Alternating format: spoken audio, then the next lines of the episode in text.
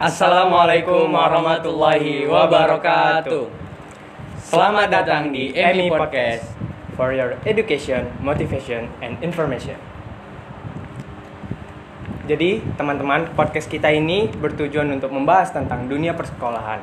Nah, untuk membahasnya supaya lebih seru dan lebih kita mendapatkan banyak inspirasi, kita jadi sering mengundang di sini kita mengundang para alumni-alumni yang sudah masuk ke dunia perkuliahan yang lebih tinggi dibandingkan dunia sekolah SMA. Jadi, pada kesempatan kali ini kami mengundang sosok yang sangat luar biasa, sosok yang sangat menginspirasi, yaitu adalah Kak Anggi Daulay. Yang mana Kak Anggi ini merupakan alumni MAN dan pada tahun 2020 Kak Anggi ini merupakan tamatan STAN dengan IPK tertinggi yaitu 3,9. Bener nggak Kak? Nah, Kak Anggi ini juga merupakan ketua MPK tahun 2016 eh 2015 2016. Nah, untuk lebih jelasnya bagaimana mengenai tentang Kak Anggi, boleh dong Kak Anggi perkenalan diri Kak. Oke, halo teman-teman semua. Halo Kak. Assalamualaikum warahmatullahi wabarakatuh. Waalaikumsalam. Eh, perkenalkan, nama saya Anggi Anugrah Daulay, biasa dipanggil Anggi. Teman-teman di kuliah kadang manggil Eng, karena disingkat nama depannya. Oh. Eh, sekarang kemarin ya, kemarin baru lulus dari PKN STAN. Eh, tiga tahun ini menempuh pendidikan di Diploma 3 PBB Penilai. Eh, D3 PBB Penilai ini merupakan salah satu program studi yang ada di jurusan pajak PKN STAN. Nah, eh, masuk di MAN 1 Medan tahun 2014 di jurusan IPA. Karena waktu itu kelas 10 langsung pembagi jurusan, sama nggak? Iya, sama, Nah, sama, sama, tiga. sama, sama. Eh, kelas 10 IPA 1, 10 IPA 1, 11 IPA 1, 12 IPA 1, lulus 2017. Eh, tuh, selama di MAN eh, aktifnya itu lebih banyak aktifnya itu di kelas 11-nya. Ya, di kelas iya 10-nya masih kayak adaptasi dulu lah gitu. Ya. Pengen tahu gimana cara bagi waktu gitu. Apalagi sejak kelas 10 itu dulu eh, hari pertama langsung full day gitu. Iya. Jadi itu hari pertama masih hari pertama baru pembagian kelas tapi langsung full day masuk jam setengah eh 7.15 eh, pulang jam 6 waktu itu. Iya, Full sama- day-nya. sama- sama, juga ya. juga. Merasakan juga. tapi sama PJJ gimana? Kenapa? Selama PJJ gitu Oh, nggak ada Ya, nggak ada full day, Kak. Full day. Nah, kalau dulu kelas 11 ikut UKS itu sebenarnya dari kelas 10 uh, ikut UKS. Uh, terus waktu kelas 11 ikut English Club. Uh, kemudian juga di tahun 2015 juga kelas 11 itu juga uh, alhamdulillah waktu itu terpilih menjadi ketua MPK. Yang isinya anggotanya adalah para ketua kelas. Nah, eh, setelah lulus dari MAN 1 ya waktu itu sebenarnya eh, pengennya sih masuk fakultas kedokteran. Tapi mungkin itu nanti akan kita. Oh, iya, iya. Nah saat ini kan kakak sudah berada di di Man satu, pasti nginget kak masa ma- masa lalu bagaimana dulu di Man, Iya. kenangan-kenangan di Man. Boleh dong kak cerita Kenangan yang kenangan paling yang ingat. paling menarik, Iya. paling kakak ingat di Man dulu. Kalau pertama kenal dengan MAN 1 Medan itu sejak SMP sebenarnya, SMP kelas 8, kelas 2 SMP itu udah itulah pertama kali masuk ke MAN 1 ini. Waktu itu ada acara namanya Second My World Conference tahun 2013. Itu konferensi Asia Eropa. Uh, pesertanya Indonesia, Malaysia, Filipina, uh, Jerman, Italia, Yunani. Ada enam negara. Uh, jadi waktu itu yang Indonesia delegasinya ada dari SMP, ada dari SMA. Yang delegasi dari SMP satu-satunya di Indonesia dari sekolah kakak SMP Imam Fadila. Kami waktu itu berlima, lima orang yang ikut. Acaranya di sini di Man satu ini. Acaranya seminggu. Nah sejak di situlah baru kenal sepertinya enak nih kalau sekolah di Man 1 Karena waktu itu Man 1 pertama memang sekolah favorit karena waktu itu kalau nggak salah ya Man 1 itu sekolah internasional Hmm. ya kan? Man 1 itu udah favoritnya lah topnya untuk Man atau sekolah agama Islam gitu Man 1 favoritnya.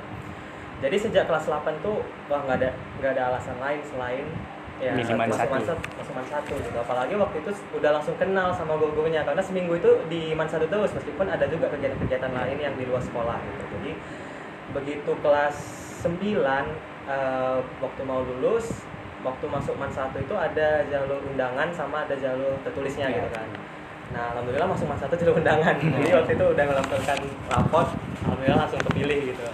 Seneng banget karena saya senang sekali kan rasanya karena langsung keterima di sekolah favorit, favorit sejak SMP lagi. Jadi waktu masuk man satu eh, langsung pembagian jurusan, masuk IPA. Kesan pertama masuk man satu itu, man satu itu udah kayak udah kayak kuliah kata kakak. Mungkin karena ini ya, karena hari pertama itu langsung full day mungkin ya. Iya. Karena kenapa kayak rasanya kuliah pertama di masa itu tugasnya banyak kali Iya, ya. banyak. menumpuk gitu kayak tugas anak kuliah bahkan waktu itu Pak Asul Pak Asul Oh, iya. Pak Iya. Asul Yafisham itu juga pernah bilang ke kakak eh, sebenarnya kurikulum di masa satu ini udah seperti kurikulum universitas semi universitas kenapa karena memang yang dipersiapkan ke anak-anak masa itu supaya mereka nanti sudah tahan banting begitu Iya, masuk pasti. ke kuliah bahkan kalau kakak boleh katakan frekuensi pembagian tugas di satu itu dikasih tugas sama guru di satu lebih sedikit daripada di kuliah Oh. jadi tugas di man, tugas di kuliah itu yang masa kakak itu nggak ada apa-apanya dibanding tugas di man satu itu satu minggu itu bisa sampai 10 sampai 12 tugas gitu. Iya. bahkan ada yang dikasih hanya hari ini besok langsung dikumpul. Iya. besok dikumpul rupanya direvisi lagi. Iya. bahkan dulu pernah disobek tugas kakak makalah peliti sebagainya pernah dikoyak gitu. Nah sering bahkan di fisika Eh, dulu gurunya Bunda Ratna. Oh, Bunda Ratna dari sini. Ah. itu kurang tahu. kurang tahu sih dulu Bunda Ratna Eh, terus eh, yang paling mengesankan di masa itu juga di sini banyak ikut lomba. Jadi di sini tuh peluang untuk kita ikut lomba organisasi dan sebagainya itu besar sekali. Sering diundang gitu. Jadi kalau misalnya dulu tahu eh, kalau setiap upacara gitu pasti kalau yang ikut lomba menang gitu pasti sangat dihargai. Ditampilkan. diumumkan bahkan dikasih hadiah gitu. Jadi itu memberi semangat motivasi gitu bagi anak-anak yang lain. Bukan maksudnya untuk me- apa ya bagi yang menang itu bukan rasanya untuk menyombongkan diri tapi Iya. itu untuk memberi motivasi ke teman-teman yang lain gitu kan. Eh, jadi kayak di sini selain lingkungannya yang memang menekankan sedemikian rupa sehingga kita terpacu untuk belajar terus dan juga memang lingkungan guru-guru dan lingkungan sekolahnya memang sangat mendukung untuk itu untuk kita terus berpacu Eh, terus juga di masa ini kekeluargaannya Iya. Iya, Benar. Yang tadi. kita memanggil guru kita bunda ya Bunda, ya. karena ya sejatinya memang guru-guru kita itu adalah orang tua kita di sekolah gitu kan. jadi dan memang kelihatan sekali kalau di man satu ini kalau kita maksudnya nggak selama nggak PJJ ya kan kita memang benar-benar dipantau terus kan selama satu harian itu oleh guru jadi memang eh, begitu atmosfernya itu masuk masa itu kekeluargaan kekompakan di kelas juga dan lingkungan sekolahnya memang sangat kondusif gitu, untuk kita belajar mengembangkan diri dan sebagainya dan kakak sudah tamat dari stan dan itu pencapaian yang sangat luar biasa bagi kami kak bahkan untuk dapat stan itu udah Sulit. cukup iya Cukup cukup, sulit. sulit untuk kami jadi eh, bolehlah kak cerita kenapa kakak berkeinginan di stan dan mengapa jadi tadi sebelumnya udah kakak singgung nih. Eh, Iya. awalnya sejak SD bahkan sejak kecil itu memang pengennya jadi dokter. Kenapa? Karena dulu orang tua selalu apa ya selalu menekankan oh nanti Anggi udah besar jadi dokter aja ya nanti kalau mama sakit kalau bapak sakit siapa lagi yang mau Iya. menyembuhkan selain Anggi itu dari SD dari SD SMP SMA SMA masih kelas 10 kelas 11 kelas 12 nih mulai mulai agak ada guncangan gitu. Kenapa guncangan? Karena mulai apa ya mulai diarahkan eh, kayaknya selain masuk kedokteran Anggi bisa lah coba yang lain gitu. Itu dari sisi orang tua. Kemudian dari sisi sekolah juga.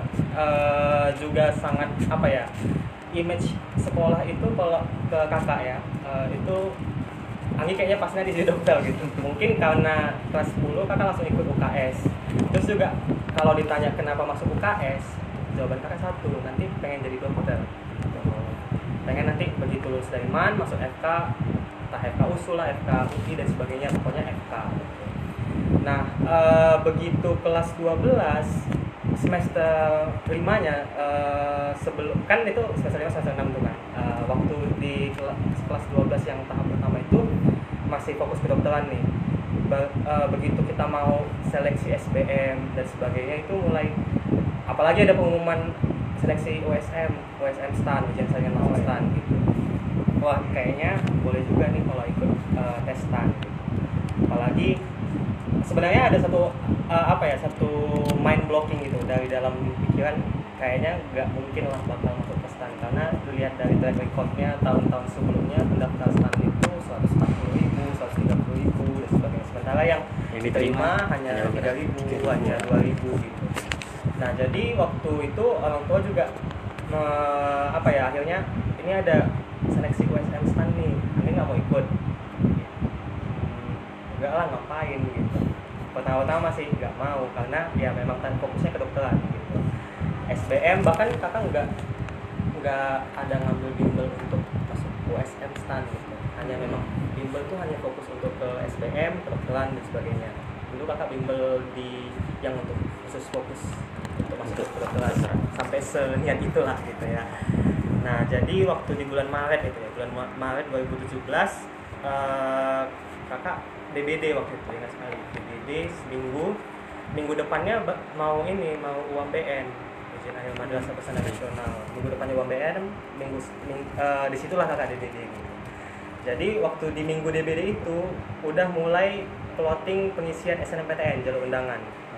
Nah di situ kakak teringat nih dari salah satu pesan wali kelas kakak. Pak, wali kelas kelas 12 jadi beliau bilang kalian itu kalau mau masuk perguruan tinggi negeri usahakan ke Jawa gitu. Jangan hanya masuk ke PTN atau masuk ke kampus yang eh, masih di sekitar wilayah kita gitu. Beliau maksudnya bukan untuk apa ya bukan untuk menantang atau apa tapi untuk memacu gitu untuk memberi semangat eh, supaya kita itu harus bermimpi besar kalau beliau itu Bunda Dewi Aprianti. Jadi sejak itulah kakak akhirnya makin terpacu.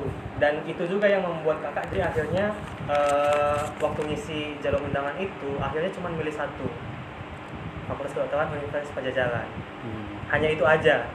Nggak ada pilihan padahal bisa milih tiga pilihan kan Iya, tapi iya. kakak hanya milih satu. Dan akhirnya nggak lulus gitu kan. Apalagi waktu itu uh, informasinya FK Unpad itu adalah satu-satunya FK yang gratis. Dari awal masuk sampai ke lulus. Hmm. dengan syarat nanti begitu lulus uh, mengabdi di seluruh provinsi Jawa Barat gitu. Jadi sistemnya mungkin mirip ikanan dinas ya. Jadi itulah yang membuat kakak wah ini FK Unpad nih harus masuk FK Unpad nih. Eh, terus waktu eh, di kelas 12 itu juga ada juga guru kakak guru Mandarin itu Lause Lause Ros itu beliau bilang gini kalian ini semuanya kalau ditanya semuanya pengen masuk stan. Beliau bilang gitu "Ah, asal dia asal ditanya pengen masuk kedinasan apa pasti stan. Padahal kedinasan itu ada banyak gitu. Iya. yang beliau bilang beliau nggak bilang selain nama PKN Stan tapi beliau hanya bilang gini "Eh, kenapa kalian nggak mau ngambil sekolah yang untuk ke BPK Badan Pemeriksa Keuangan? Jadi BPK itu adalah organisasi negara lembaga negara yang fungsinya untuk memeriksa keuangan negara gitu. Padahal sebenarnya BPK itu sekolahnya ya dari Stan juga gitu ya kan?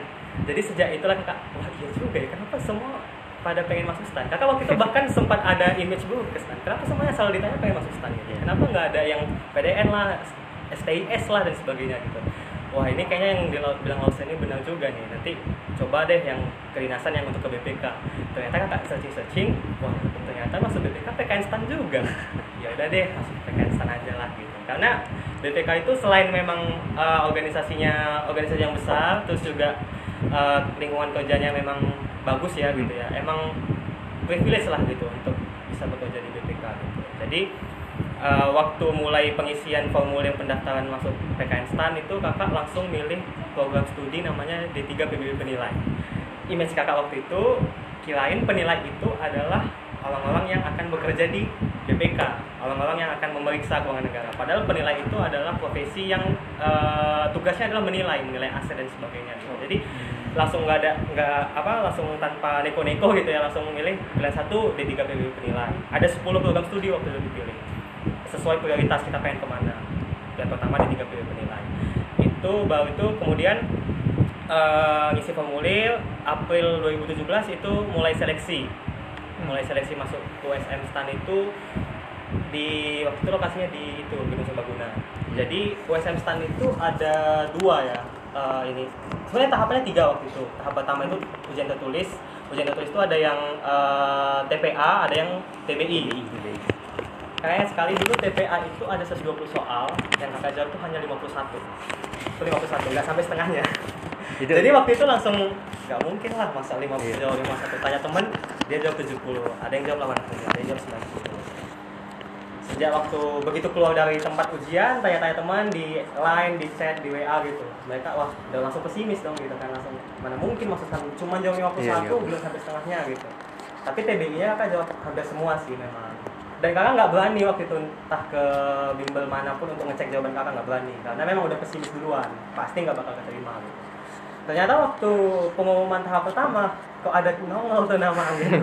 Situ. waktu itu padahal udah masuk tahap intensif untuk masuk ke SBM gitu kan. Hmm. jadi wah mesti belajar lagi nih untuk tahap kedua. Tahap kedua itu dia tes kesehatan dan kebugaran TKK itu tahapnya ada lari 12 menit sama eh shuttle run shuttle run yang untuk lari untuk ke 8 eh, sama dua detik cepet-cepetan ya itu ya paling Biasanya. eh, nah di situ apalagi kakak yang memang bukan tipikal yang sering olahraga jadi kayak udah makin pesimis lagi gimana caranya orang jarang olahraga bakal Iya, iya. lulus ke tes, Tes yang ada fisik, olahraga ya. tes fisiknya gitu ya memang itu semua akhirnya kehendak Allah ya kekuatan yang dikasih terus juga doa doa doa dari orang tua doa dari guru-guru juga karena kakak selain minta doa dari orang tua asal ketemu guru asal ke sekolah gitu mohon doanya ya bunda mohon doanya ya enda gitu. Bahkan kalau misalnya di Facebook atau di Instagram kalau misalnya guru komen gitu kakak usahakan terima kasih bunda mohon doanya ya gitu. Karena kakak pernah dengar ya mungkin ini hadis atau apa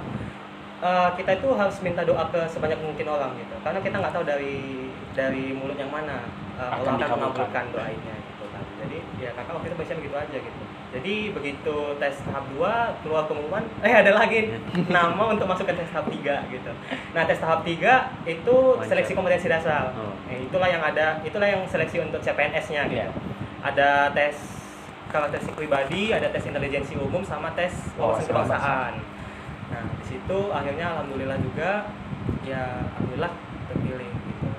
Dari waktu 2017 tahun kakak itu pendaftarannya 130 ribu dan waktu pengumuman di awal di Maret itu pengumumannya mereka hanya menerima mahasiswa baru itu hanya 3000 Oh. begitu di menit-menit terakhir diperbanyak jadi 6967 gitu. Jadi itu juga apa ya kok kayak ada kehendak dari Allah juga lah. Maksudnya tiba-tiba Ada ah, diperbanyak rezeki. sampai ke hampir 7000 mahasiswa baru gitu.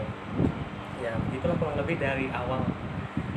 Dengan kata lain kakak iseng pertama pengennya ke FK dengan tiba-tiba jadi ke stan berarti dengan kata lain kakak iseng-iseng sebenarnya kan? Sebenarnya masuk ke stan itu iseng-iseng. Karena memang ya kayak kata Imam tadi dari awal memang belajarnya itu hanya untuk ke kedokteran. Dan alhamdulillah sih waktu SBM kakak keterimanya di FK USU plan kedua plan pertamanya FK Undip gak, gak dapat. Ya. Dapatnya di plan kedua dan seperti yang kita tahu kak bahwa eh, stan ini kan memang banyak yang pengen popularitasnya juga banyak yang pengen Hmm. jadi bahkan ada eh, hantu-hantu yang bisikin bahwa bilang eh, stan ini bakalan tutup lima tahun Oke. ada angin-anginnya kayak Ya, gitu ya. boleh dong nggak penjelasannya dari tentang penjelasan Jadi gini ya, kalau kita lihat berkaca di tahun-tahun sebelumnya, asal tiap seleksi masuk stan itu pasti apa ya? Pendaftarnya Sangat banyak, ramai, Ah, ya. sangat 100.000 ramai gitu ya. lebih. Terus juga berhubung dengan pandemi ini, eh, kebijakan dari pimpinan ya mungkin ya, itu akhirnya memutuskan kayaknya tahun ini kita nggak buka dulu gitu. Hmm. Karena di satu sisi memang ada pandemi yang nggak memungkinkan untuk mengumpulkan sebegitu banyak orang di tempat-tempat ujian dan kalau kakak lihat kemungkinan dari atas itu sedang diadakan reorganisasi reorganisasi itu maksudnya stan itu seperti dirombak Rombak. ulang kurikulumnya sehingga nanti di tahun-tahun depan itu kebutuhan instansi itu sesuai dengan eh, ke- eh, supply yang ada. Supply itu pasti pasokan lulusan dari PTN stan gitu. Karena kalau dikatakan apakah akan tutup lima tahun ke depan itu semuanya karena peran media ya. Hmm. karena apa? Karena kampus kita STAN itu memang apa ya sangat eh, sangat mendapat eh, apa ya sorotan dari media. Mungkin karena faktor Kementerian Keuangannya juga karena dia sekolah di bawah Kementerian Keuangan. Media itu banyak yang menafsirkan berbeda-beda. Ada yang bilang kayak kata Imam tadi eh, apakah Betul. memang tutup sampai ke 2024 ada yang bilang stan ditutup karena radikalisme. Ada yang bilang stan enggak kok tahun depan tetap buka gitu. Semua itu karena peran media yang kita lihat.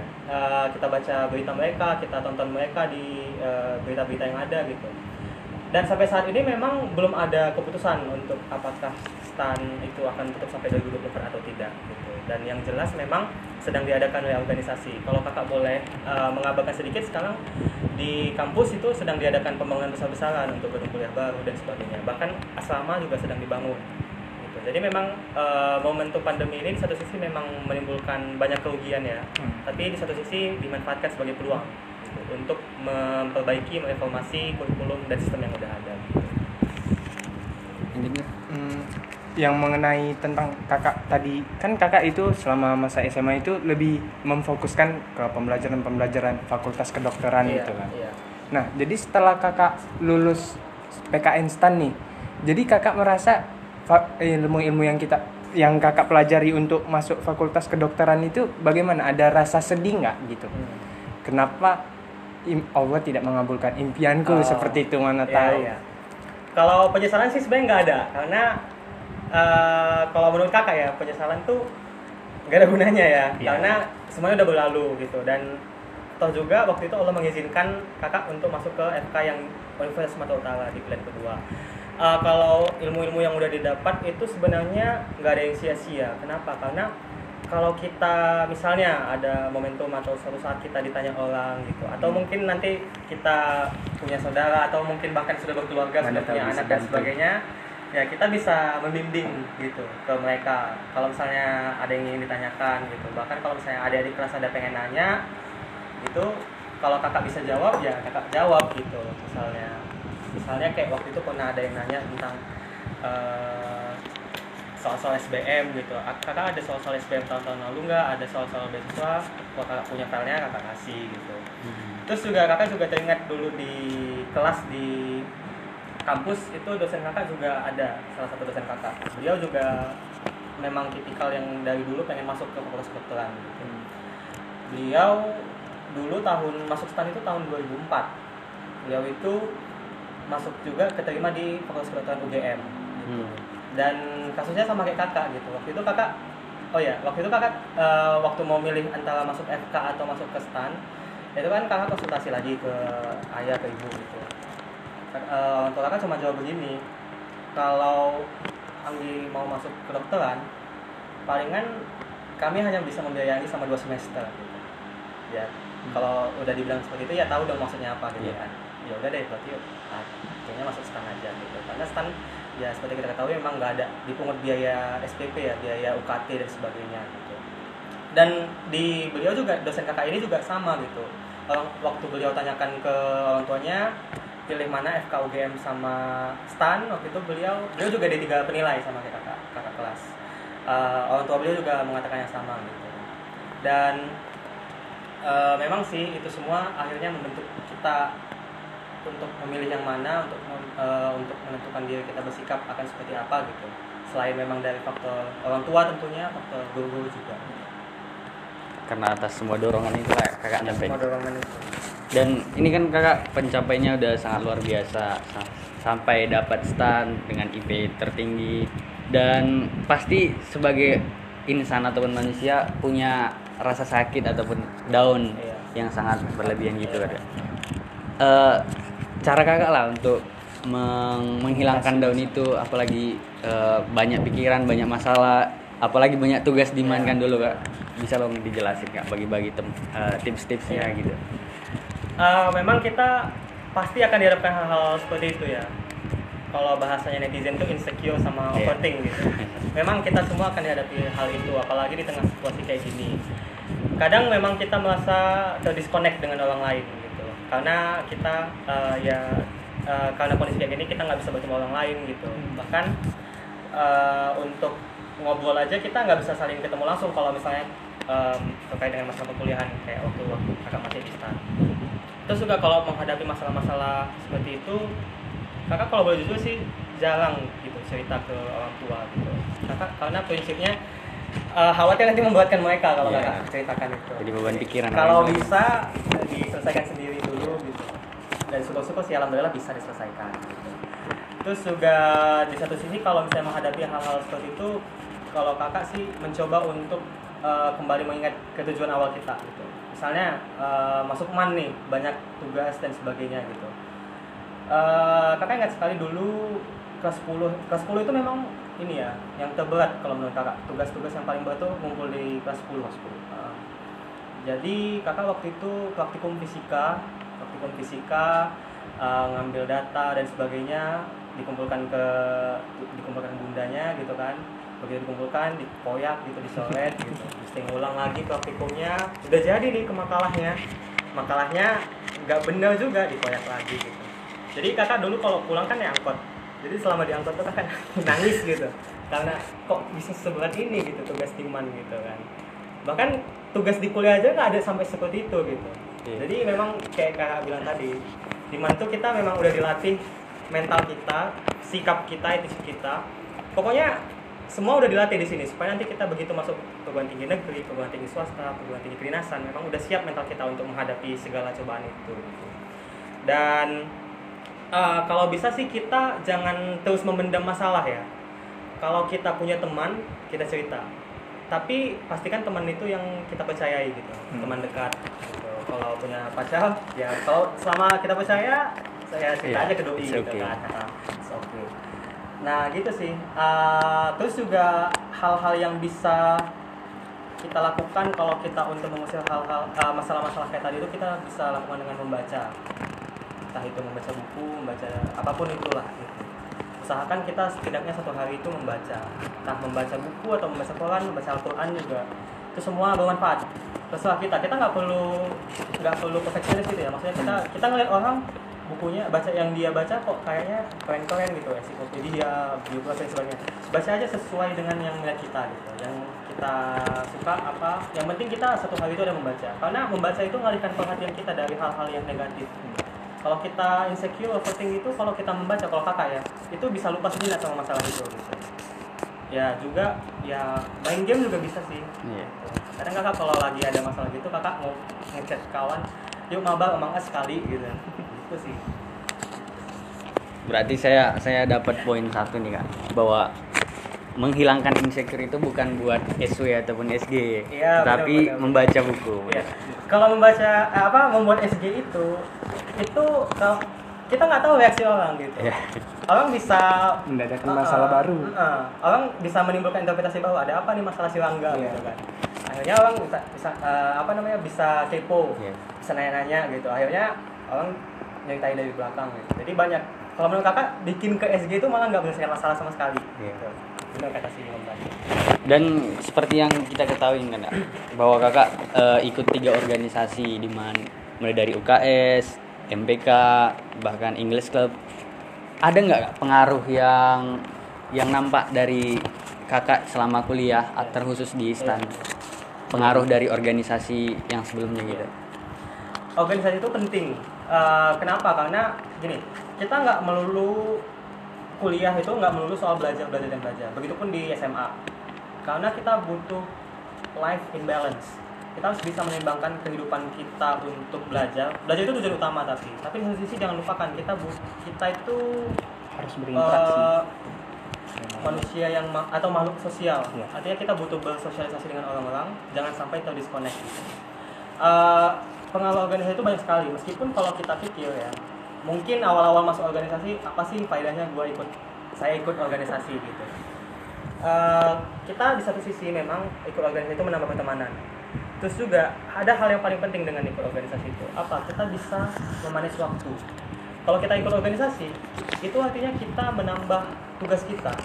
Di satu sisi kita memang kita punya tu- tujuan utama belajar ada menyelesaikan PL-PL dan sebagainya satu sisi kalau kayak teman-teman nih eh, ada pokja bikin podcast dan sebagainya ini. Berarti kan teman-teman ada tugas tambahan.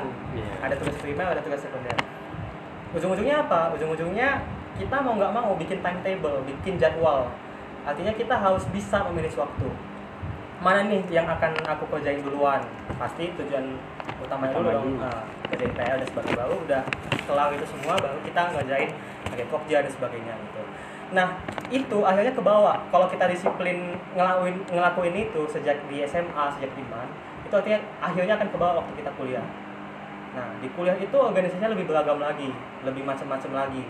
kalau di kampus kakak itu ada organisasi yang suka anime ada organisasinya sendiri. Kalau yang suka catur memang ada organisasi Organisasi. sendiri. Kalau nggak salah itu ada sampai 46 UKM di stan English Club dan sebagainya gitu. Jadi memang semua ada wadahnya gitu ikuti sesuai yang kita inginkan sesuai passion kita. Manfaat organisasi itu memang sangat banyak sih. Tapi memang eh, kebanyakan ikut organisasi juga nggak efektif juga. Iya. kenapa? Karena kebanyakan ikut organisasi itu artinya akan kebanyakan tugas akan kebanyakan yang dikerjain. Ujung-ujungnya mau nggak mau kalau kakak ya mau seperfeksionis apa pun kita kalau kebanyakan tugasnya akhirnya ujungnya nggak akan dikerjain juga. Jadi eh, yang pertama memang skala prioritas itu penting. Yang kedua skala prioritas dalam arti organisasi kita pengen ikut organisasi mana dulu nih yang memang sesuai dengan passion kita gitu. Iya. Karena saat semua kita ikuti organisasi, loyalitas kita semakin nggak nampak di situ kak. Bener, ah, setuju sekali itu.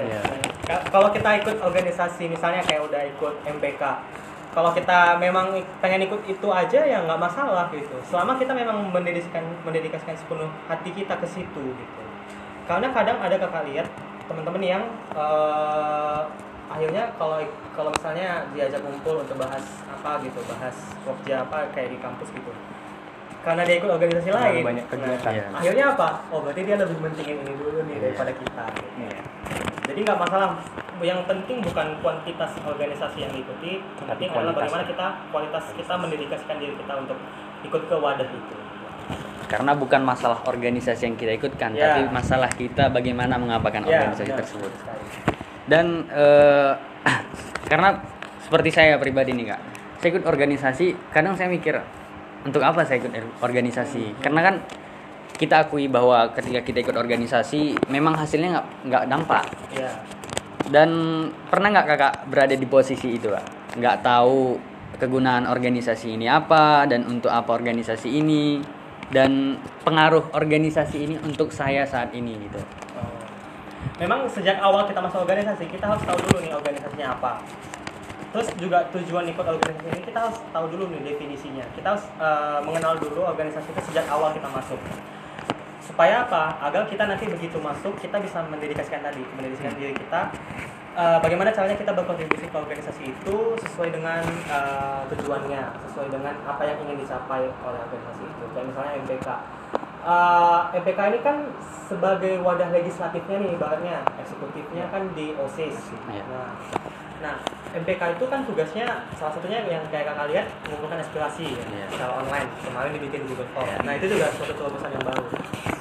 Nah eh, kalau kita kalau kita merasa kok kayaknya nggak ada nih eh, kontribusi aku ke organisasi.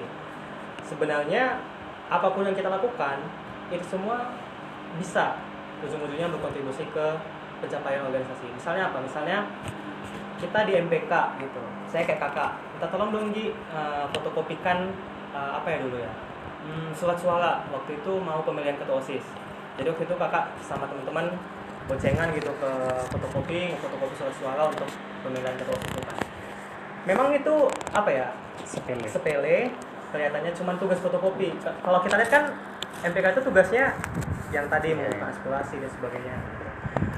Tapi semua hal itu akhirnya kan apa? Akhirnya pemilihan ketua OSIS jadinya tercapai gitu. Ada juga kayak mungkin teman-teman yang di bagian yang nyusun ngebuat Google Formnya itu. Kalau dia nggak bikin Google Formnya mungkin nggak aspirasi online-nya akan tercipta gitu. kan enggak gitu. jadi semua apa pun yang kita lakukan selama memang itu kita niatnya untuk pencapaian tujuan memang itu semuanya akan berkontribusi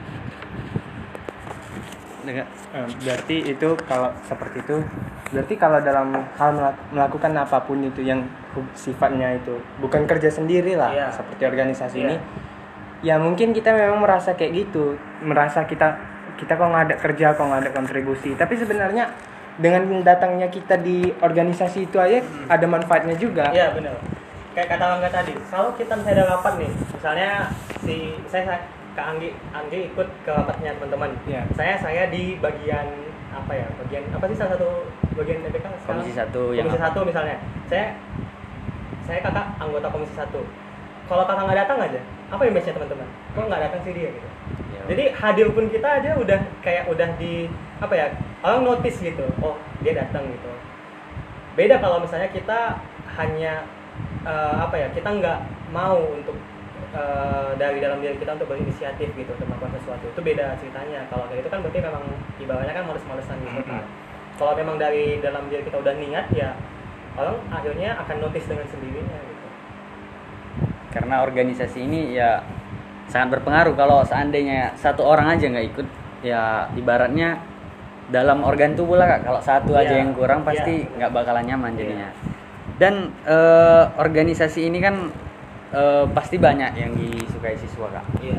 Menurut kakak eh, penting nggak kita bahwa kalau kita ikut organisasi yang baik maka kitanya baik. Tapi kalau kita organis ikut organisasi organisasi yang tidak baik kita bakalan nggak baik. Apakah benar apakah kakak setuju nggak dengan pendapat yang begitu? Misalnya eh, baik buruk ini dari sisi apa dulu nih? Baik buruk dari ya kegiatan mereka contohnya kak. Oke. Sebenarnya gini, baik buruk itu relatif ya. Ya, nah, iya. itu pandangan. gitu. Kalau eh, baik buruk dari sisi anggota organisasi itu, misalnya hal yang buruk nih, misalnya eh, apa ya, mohon maafnya organisasi tukang begal misalnya, mohon maaf, gitu. Kalau dari sisi perspektif mereka, ya pasti itu adalah hal yang baik, gitu. karena untuk cari makan. Gitu. Oh, iya, benar. Tapi dari sisi kita yang mungkin atau bisa jadi Tidak tahu latar saat jadi belakangnya. korban mungkin gitu ya. Kan hal yang buruk gitu. Jadi kalau masalah baik buruk itu semuanya memang relatif gitu. Tapi yang jelas begini kalau organisasi itu memang sesuai dengan yang kita minatkan dan memang organisasi itu sesuai dengan kondisi kita saat ini misalnya apa? Kita sekarang berada di MAN. Kita belajar di MAN gitu. Kalau kita ikut organisasi yang sejalan dengan tujuan kita belajar misalnya ikut English Club atau ikut eh, Olimpiade Biologi, Olimpiade Fisika Kimia dan sebagainya ikut ekskul Olimpiade gitu. Atau ikut ekskul-ekskul lain lah. Ekskul ekskul di mana ini kan semuanya memang apa ya memang yang berbasis untuk belajar sebenarnya. Meskipun ya mungkin nggak semua kelihatan secara jelas gitu. Kita harus sadar juga bahwa uh, harus relevan juga nih kita antara belajar sama ikut organisasi itu kayak tadi supaya kita membuat itu semua balance gitu. Uh, jadi untuk memisahkan yang baik dan yang buruk kata Bangga tadi semua itu tergantung perspektif sebenarnya dan juga harus sesuai dengan uh, keinginan kita dan sesuai dengan kondisi kita saat ini. Oh, baik kak. Eh, ini kan yang waktu waktu SMA kan kakak sudah terbiasa tuh ikut organisasi udah banyak. Apakah di perkuliahan seperti di PKN STAN itu Iya. kakak juga mengikuti organisasi? Karena banyak banyak isu yang mengatakan kalau anak STAN katanya ambis-ambis dalam belajar. Apakah itu benar? Oke. Nah istilah ambis, jadi ada beberapa istilah tuh di kampus. Ada ambis, kayak kata si Rangga tadi ada side trap. Hmm. Side trap itu teman-teman pernah dengar istilah side trap? Eh, Saya dengar. Itu Karena itu memang apa? oke, apa ya bahasa yang diciptakan oleh anak-anak stan sendiri. Side trap itu psychological trap. Artinya ada jebakan psikologis. Kalau misalnya orang belajar ngelihat orang belajar nih, kalau aku nggak belajar, akhirnya Aku masa insecure gitu. Ah, ujung-ujungnya kita harus belajar gitu. Artinya kita nggak mau kalah sama orang itu side trap. Nah, eh, kalau organisasi kayak tadi UKM itu sebenarnya di stan banyak banyak sekali. Dan kalau kan eh, mahasiswa stan itu banyak ya. Jumlahnya itu bahkan kalau di tahun 2018 atau berapa itu bisa sampai 10 ribuan. Karena mahasiswa stan itu ada yang mahasiswa yang reguler kayak kita ada yang mahasiswa tugas belajar. Mahasiswa tugas belajar itu yang sudah PNS kembali ke kampus untuk kuliah lagi gitu. Nah eh, kalau kakak di kampus itu ikut organisasi nggak banyak sebenarnya. Eh, karena apa kakak? Dari tingkat satu itu udah apa ya eh, karena gini stan itu kan sistem belajarnya itu ketat. Iya. tiap semester itu ada sistem DRD, drop out. ya. Minimal IP-nya itu 2,75 dan menurut kakak itu berat banget nih pasti di stan kuliahnya sejak tingkat satu tuh sejak ospek eh, kan salah satu materi pengalahannya kan kayak gitu kan. Jadi kayak eh, wah kalau ikut organisasi kayaknya bakal susah nih. Takutnya kepecah konsentrasi antara belajar sama ikut organisasi jadi waktu tingkat satu itu kakak masih nggak ada ikut organisasi sama sekali. Pengen lihat pengen adaptasi dulu gitu pengen lihat situasi gimana kalau teman-teman yang lain ikut organisasi bagaimana cara mereka membagi waktu cara mereka belajar cara mereka memprioritaskan apa yang akan mereka lakukan gitu. Lalu di tingkat dua itu ada organisasi yang kita bentuk sendiri gitu. Antara uh, kita yang masih di kampus kita yang mahasiswa dengan alumni. Nah, jadi waktu itu ada acara apa ya? First gathering. First gathering itu begitu bagi mahasiswa-mahasiswa baru untuk yang di prodi penilai itu kita bikin acara kita bikin eh, apa perkenalan lah gitu ya perkenalan gimana sih prodi PBB penilai kemudian juga perkenalan antara para alumninya gitu nah sejak itu tercetus ide untuk mendirikan suatu apa ya suatu forum yang menghubungkan lintas angkatan di tiga PBB penilai jadi kami waktu itu membuat majalah yang namanya Valuable Magazine. Jadi waktu itu kakak salah satu yang ikut untuk apa ya untuk membuat itulah di, di sampingnya tentu ada kontribusi dari alumni untuk membiayai dan sebagainya. Jadi kakak ikut organisasi Valuable Magazine itu eh, kakak di bagian reporter di divisi reporter. Jadi di divisi reporter itu kita eh, tujuannya adalah untuk mengapa ya me- mewawancarai karena kan salah satu konten dari majalah kita itu kan adalah sosok inspiratif. Ada sosok Hmm. inspiratif di rubriknya itu yang isinya adalah tentang sosok-sosok alumni di tiga PBB penilai yang sekarang sudah sudah jadi pejabat lah gitu atau sudah jadi pegawai-pegawai yang berprestasi. Jadi di divisi itu tugasnya adalah untuk mewawancarai mereka-mereka itu tadi terus juga kakak ikut relawan sih relawan pajak. Itu sebenarnya bukan organisasi tapi lebih ke bentuk kerelawanan aja untuk penyampaian SPT tahunan. Karena eh, kita itu kan di sistem perpajakan kita itu kita harus menghitung menyentuh dan melaporkan sendiri kewajiban perpajakan kita. Nah banyak masyarakat kita itu masih belum paham cara untuk melaporkan pajak mereka gitu. Jadi kakak ikut di organisasi di kegiatan kerelawanan itu untuk membantu teman-teman masyarakat yang mungkin masih belum paham cara untuk menyampaikan itu. Jadi memang organisasi di mana pun itu itu semua penting karena tujuannya tadi untuk bagaimana membuat hidup kita lebih balance dan menambah relasi kita. Oke baik Kak. Tadi saya dari tadi dengar bahwa tentang kakak Distan dan saya nangkapnya bahwa Distan ini mengenai tentang hitung uang dan dan tentang itu di, di sekitarnya. Dan apakah benar tentang itu kak? Apakah semua stand tentang hitung dan tentang uang semua? Nah, eh, mindset terhadap stan itu kan mungkin karena ini ya, karena keuangan ya. Iya, iya. Jadi semuanya pasti berhubungan dengan akuntansi, semuanya pasti hubungannya dengan hitung-hitungan. Jadi di kita itu di kampus tuh banyak program studinya. Ada yang program studi akuntansi, ada yang program studi bea cukai, eh, pajak, penilai, manajemen aset, dan kebendaharaan negara. Semuanya memang sih benar kata si Imam tadi itu memang banyak hitung-hitungannya. Eh, kalau terkait hitung-hitungan itu sebenarnya hitung-hitungan yang wajar sih. Kalau di akuntansi kan cuman hitung-hitungan tambah kurang kali bagi gitu kan. Memang benar tadi eh, memang banyak hitung-hitungannya. Tapi kalau di kakak itu hitung-hitungannya banyak untuk karena kan eh, kita di penilai itu kan eh, lebih banyak materi untuk bagaimana cara menentukan nilai. Nah, di situ juga banyak materi hitung-hitung hitungannya tapi di kita itu banyak juga materi kayak mata kuliah mata kuliah hukum kita juga dapat banyak gitu ada hukum perdata pengantar ilmu hukum hukum agraria dan sebagainya jadi eh, memang banyak hitung hitungan dan juga memang banyak eh, mata kuliah mata kuliah yang sifatnya Gitu. eh, deskriptif gitu ya maksudnya yang enggak terlalu banyak hitung hitungannya juga banyak gitu. Dan ini kak kami selaku penyelenggara lah bisa dibilang tentang Iya. MPK. Iya. Eh, pengaruh selama kakak di ikut MPK pengaruh MPK ini terhadap sekolah itu menurut kakak seberapa besar dan apa apa Iya. yang pengaruhnya ya begitu. Kak? Kalau menurut kakak pengaruhnya besar. Kenapa? Karena MPK itu menjadi jembatan antara siswa dengan eksekutifnya Iya. dalam hal ini OSIS dan juga menjembatani siswa dengan penyelenggara pendidikan yaitu sekolah. sekolah Salah satu kerja teman-teman kan itu tadi aspirasi. Kalau di kampus ada namanya Badan Legislatif Mahasiswa BLM. Kalau kita menyampaikan aspirasi, kemudian kita salurkan ke wadah yang tepat, kemudian pihak yang menyerap aspirasi itu menindaklanjuti dengan benar, ujung-ujungnya akan ada kemajuan gitu kan. Karena kan aspirasi itu sifatnya bisa yang evaluatif, ada juga sifatnya yang memberikan usulan baru, misalnya kita mau bikin apa gitu. Selama memang itu dalam koridor yang realistis gitu ya. Peran MPK terhadap eh, sekolah secara keseluruhan gitu ya tadi ya Iya. memang sangat penting karena MPK ini adalah wujud representasi dari semua kelas yang ada. Karena kan anggotanya kan masih ini kan eh, anggota ketua-ketua kelas juga masih tergabungan MPK. itu sudah diubah lagi kak jadi oh berarti tinggal yang komisi-komisi tadi. iya jadinya makanya diubah dari majelis perwakilan kelas jadi majelis per- permusyawaratan kelas Nah, tapi ya memang kayak tadi itu tadi eh, terkait dengan peran MTK di satu sisi memang menjadi watchdog istilahnya bagi kegiatan penyelenggaraan OSIS. Sama seperti fungsi-fungsi legislatif pada umumnya sih. Jadi kayak misalnya OSIS bikin rapat gitu kan, MTK kan pasti biasanya ikut hadir juga Iya. gitu kan untuk mengawasi apa yang akan teman-teman OSIS lakukan.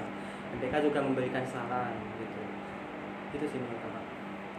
Dengan Eh, mengenai aspirasi kak Eh, kita tahu aspirasi itu penting karena aspirasi ini inilah yang membangun nanti lingkungan kita Iya. Nah, jadi banyak orang yang dia punya keluhan ataupun saran gitu tetapi dia tidak berani menyampaikan Mm-mm. dan ketika apa yang dipikirkannya itu tidak dilaksanakan sekolah karena kan gimana sekolah misalnya ini dalam sekolahan gimana sekolah bisa tahu sementara dia tidak menyampaikan aspirasinya Iya, iya.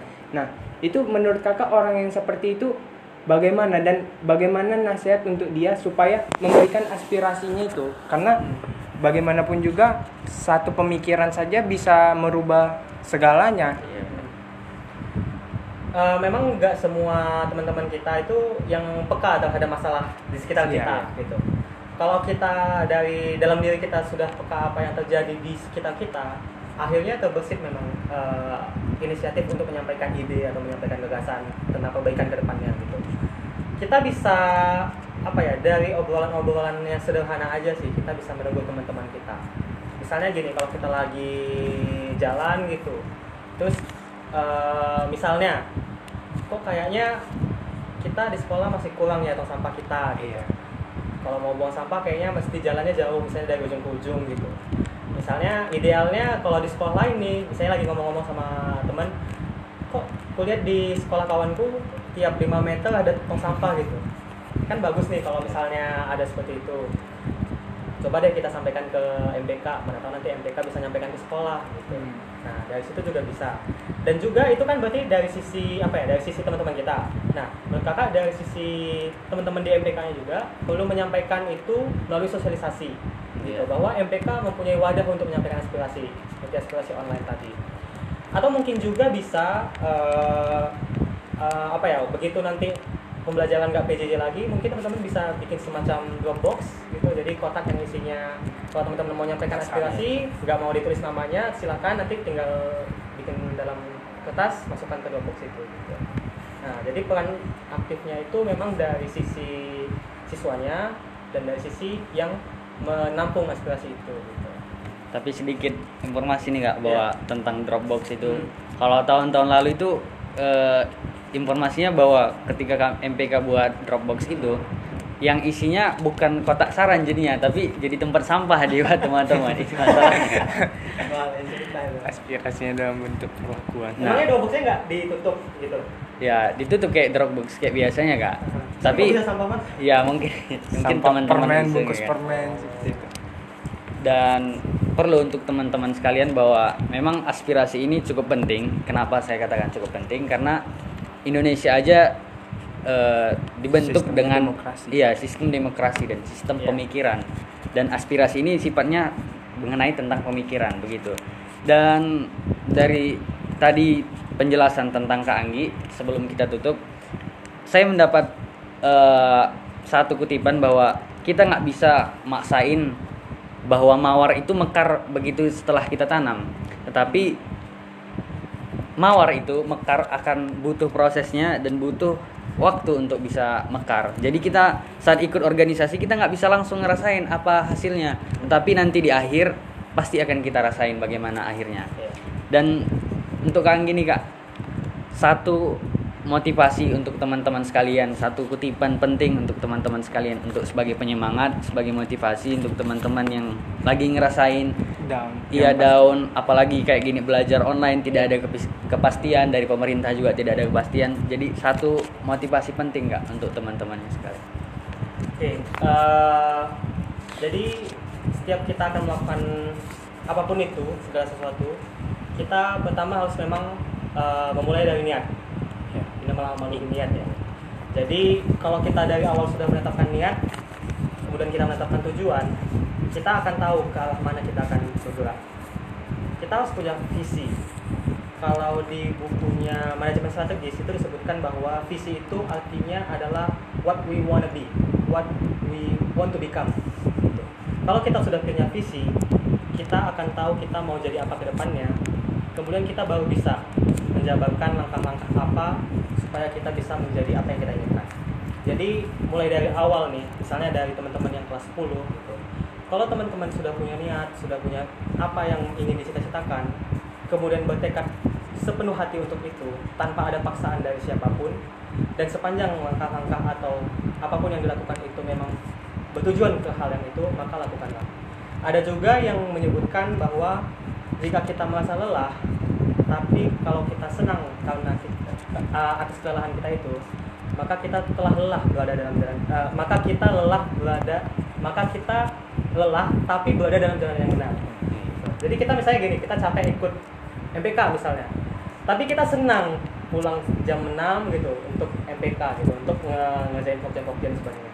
Nah itu sudah berada dalam jalan yang benar. Itu memang artinya sudah sesuai dengan tekad kita. Misalnya dalam belajar kita capek diskusi sampai malam di tempat bimbel sampai jam 9 misalnya diskusi sama tentor tapi kita senang pulang jam 9 sampai rumah tinggal tidur gitu. Besok jam 7 udah kembali ke sekolah. Tapi kita senang menjalani itu tiap hari. Nah suatu saat ketika kita mendapatkan apa yang kita inginkan itu semua akan terbalas gitu. dan satu pesan kakak juga jangan pernah uh, bersuuzon atas apa yang telah diberikan oleh Allah karena kalau menurut kakak ya Allah itu udah memberikan semua yang baik. Hmm. Allah itu memang nggak pernah memberikan yang nggak baik. Pertama memang kita pikir itu yang hal itu memang nggak nggak baik. Misalnya gini kakak dulu ikut eh, lomba-lomba itu nggak pernah menang dari SMP begitu masuk man kemudian ada aksioma kakak setiap pidato lomba pidato itu kakak evaluasi diri apa tadi aku yang kurangnya gitu? Kenapa aku bisa nggak jadi juara gitu? Dan dari bahan-bahan evaluasi itu kita belajar gitu. Kemudian kita eh, terus berlatih dan sebagainya alhamdulillah kita bisa mencapai eh, prestasi yang kita inginkan gitu. jadi satu pesan kakak lagi tetap semangat karena kondisi ini pasti ada akhirnya. It's only a matter of time. Ini hanyalah masalah waktu. Ini semua pasti akan berakhir dan ketika kita telah mencapai tujuan kita kita harus bersyukur dan jangan lupa terhadap orang-orang yang telah membantu kita menolong kita. Dan eh, terus berbaik berbuat baik kepada setiap orang apalagi kedua orang tua kita. Pesan yang sangat luar biasa kak cukup eh, bagi saya. Tapi saya eh, sedikit nambah lagi tentang pesan kakak Iya. kak Anggi tadi bahwa ketika kita berada di jalan yang baik eh, dan kita itu senang dengan capeknya kita itu saya setuju sama eh, kata-kata kakak itu. Tapi seperti saya ambil contohnya kiasnya itu seperti kita lagi sholat. Iya. kalau kita capek dengan sholat berarti kita eh, memang di jalan yang benar. Selama kita bahagia dengan capeknya kita itu. Tapi kalau ada seandainya teman-teman yang eh, sholat dia capek baca Quran capek dan dia nggak senang berarti bukan agamanya yang salah. Tetapi cara dia untuk beramal itu yang salah. Dan satu pesan lagi dari Kak Anggi juga tadi tentang kita perlu evaluasi. Saya juga punya saran nih untuk teman-teman bahwa saya kalau eh, dan orang-orang luar juga saya dapat motivasi dari orang luar bahwa ketika kita mau tidur itu ada baiknya kita catat tentang hari ini apa evaluasi yang perlu kita catat apa yang perlu kita perbaiki untuk ke depannya karena orang yang beruntung itu adalah orang yang lebih baik dari hari ini dan orang yang rugi itu orang yang lebih buruk dari hari kemarin betul kan kak? Iya, setuju. Dan mungkin pesan yang saya dapat dari pertemuan bersama Kak Anggi ini adalah eh, Allah itu punya rencana yang terbaik untuk kita. Memang kita mungkin di awal kita memandang bahwa apa yang diberikan Allah kepada kita itu buruk, tetapi sebenarnya itu justru yang terbaik bagi kita ke depannya. Dan juga buat teman-teman semuanya semangat menjalani aktivitas masing-masing, tetap eh, tampilkan apa yang dapat kita tampilkan supaya negara kita ini menjadi lebih baik dan jangan pernah iri dengan apa yang dimiliki orang lain karena Tuhan menciptakan bukan dengan konsep perbandingan tetapi dengan konsep persamaan. Hanya saja semangat dan juga perjuangan kita yang membedakan. Oke, terima kasih teman-teman yang telah eh, menonton video kali ini. Terima kasih juga untuk Kak Anggi Sama-sama. yang udah hadir pada kesempatan kali ini yang mungkin lagi deg-degan nunggu hasil, Hasil penempatannya penempatan. ya kan Kak. Terima kasih. Terima kasih untuk teman-teman, terima kasih eh, untuk semuanya dan kami tutup eh, wabillahi taufiq wal hidayah. Wassalamualaikum warahmatullahi wabarakatuh.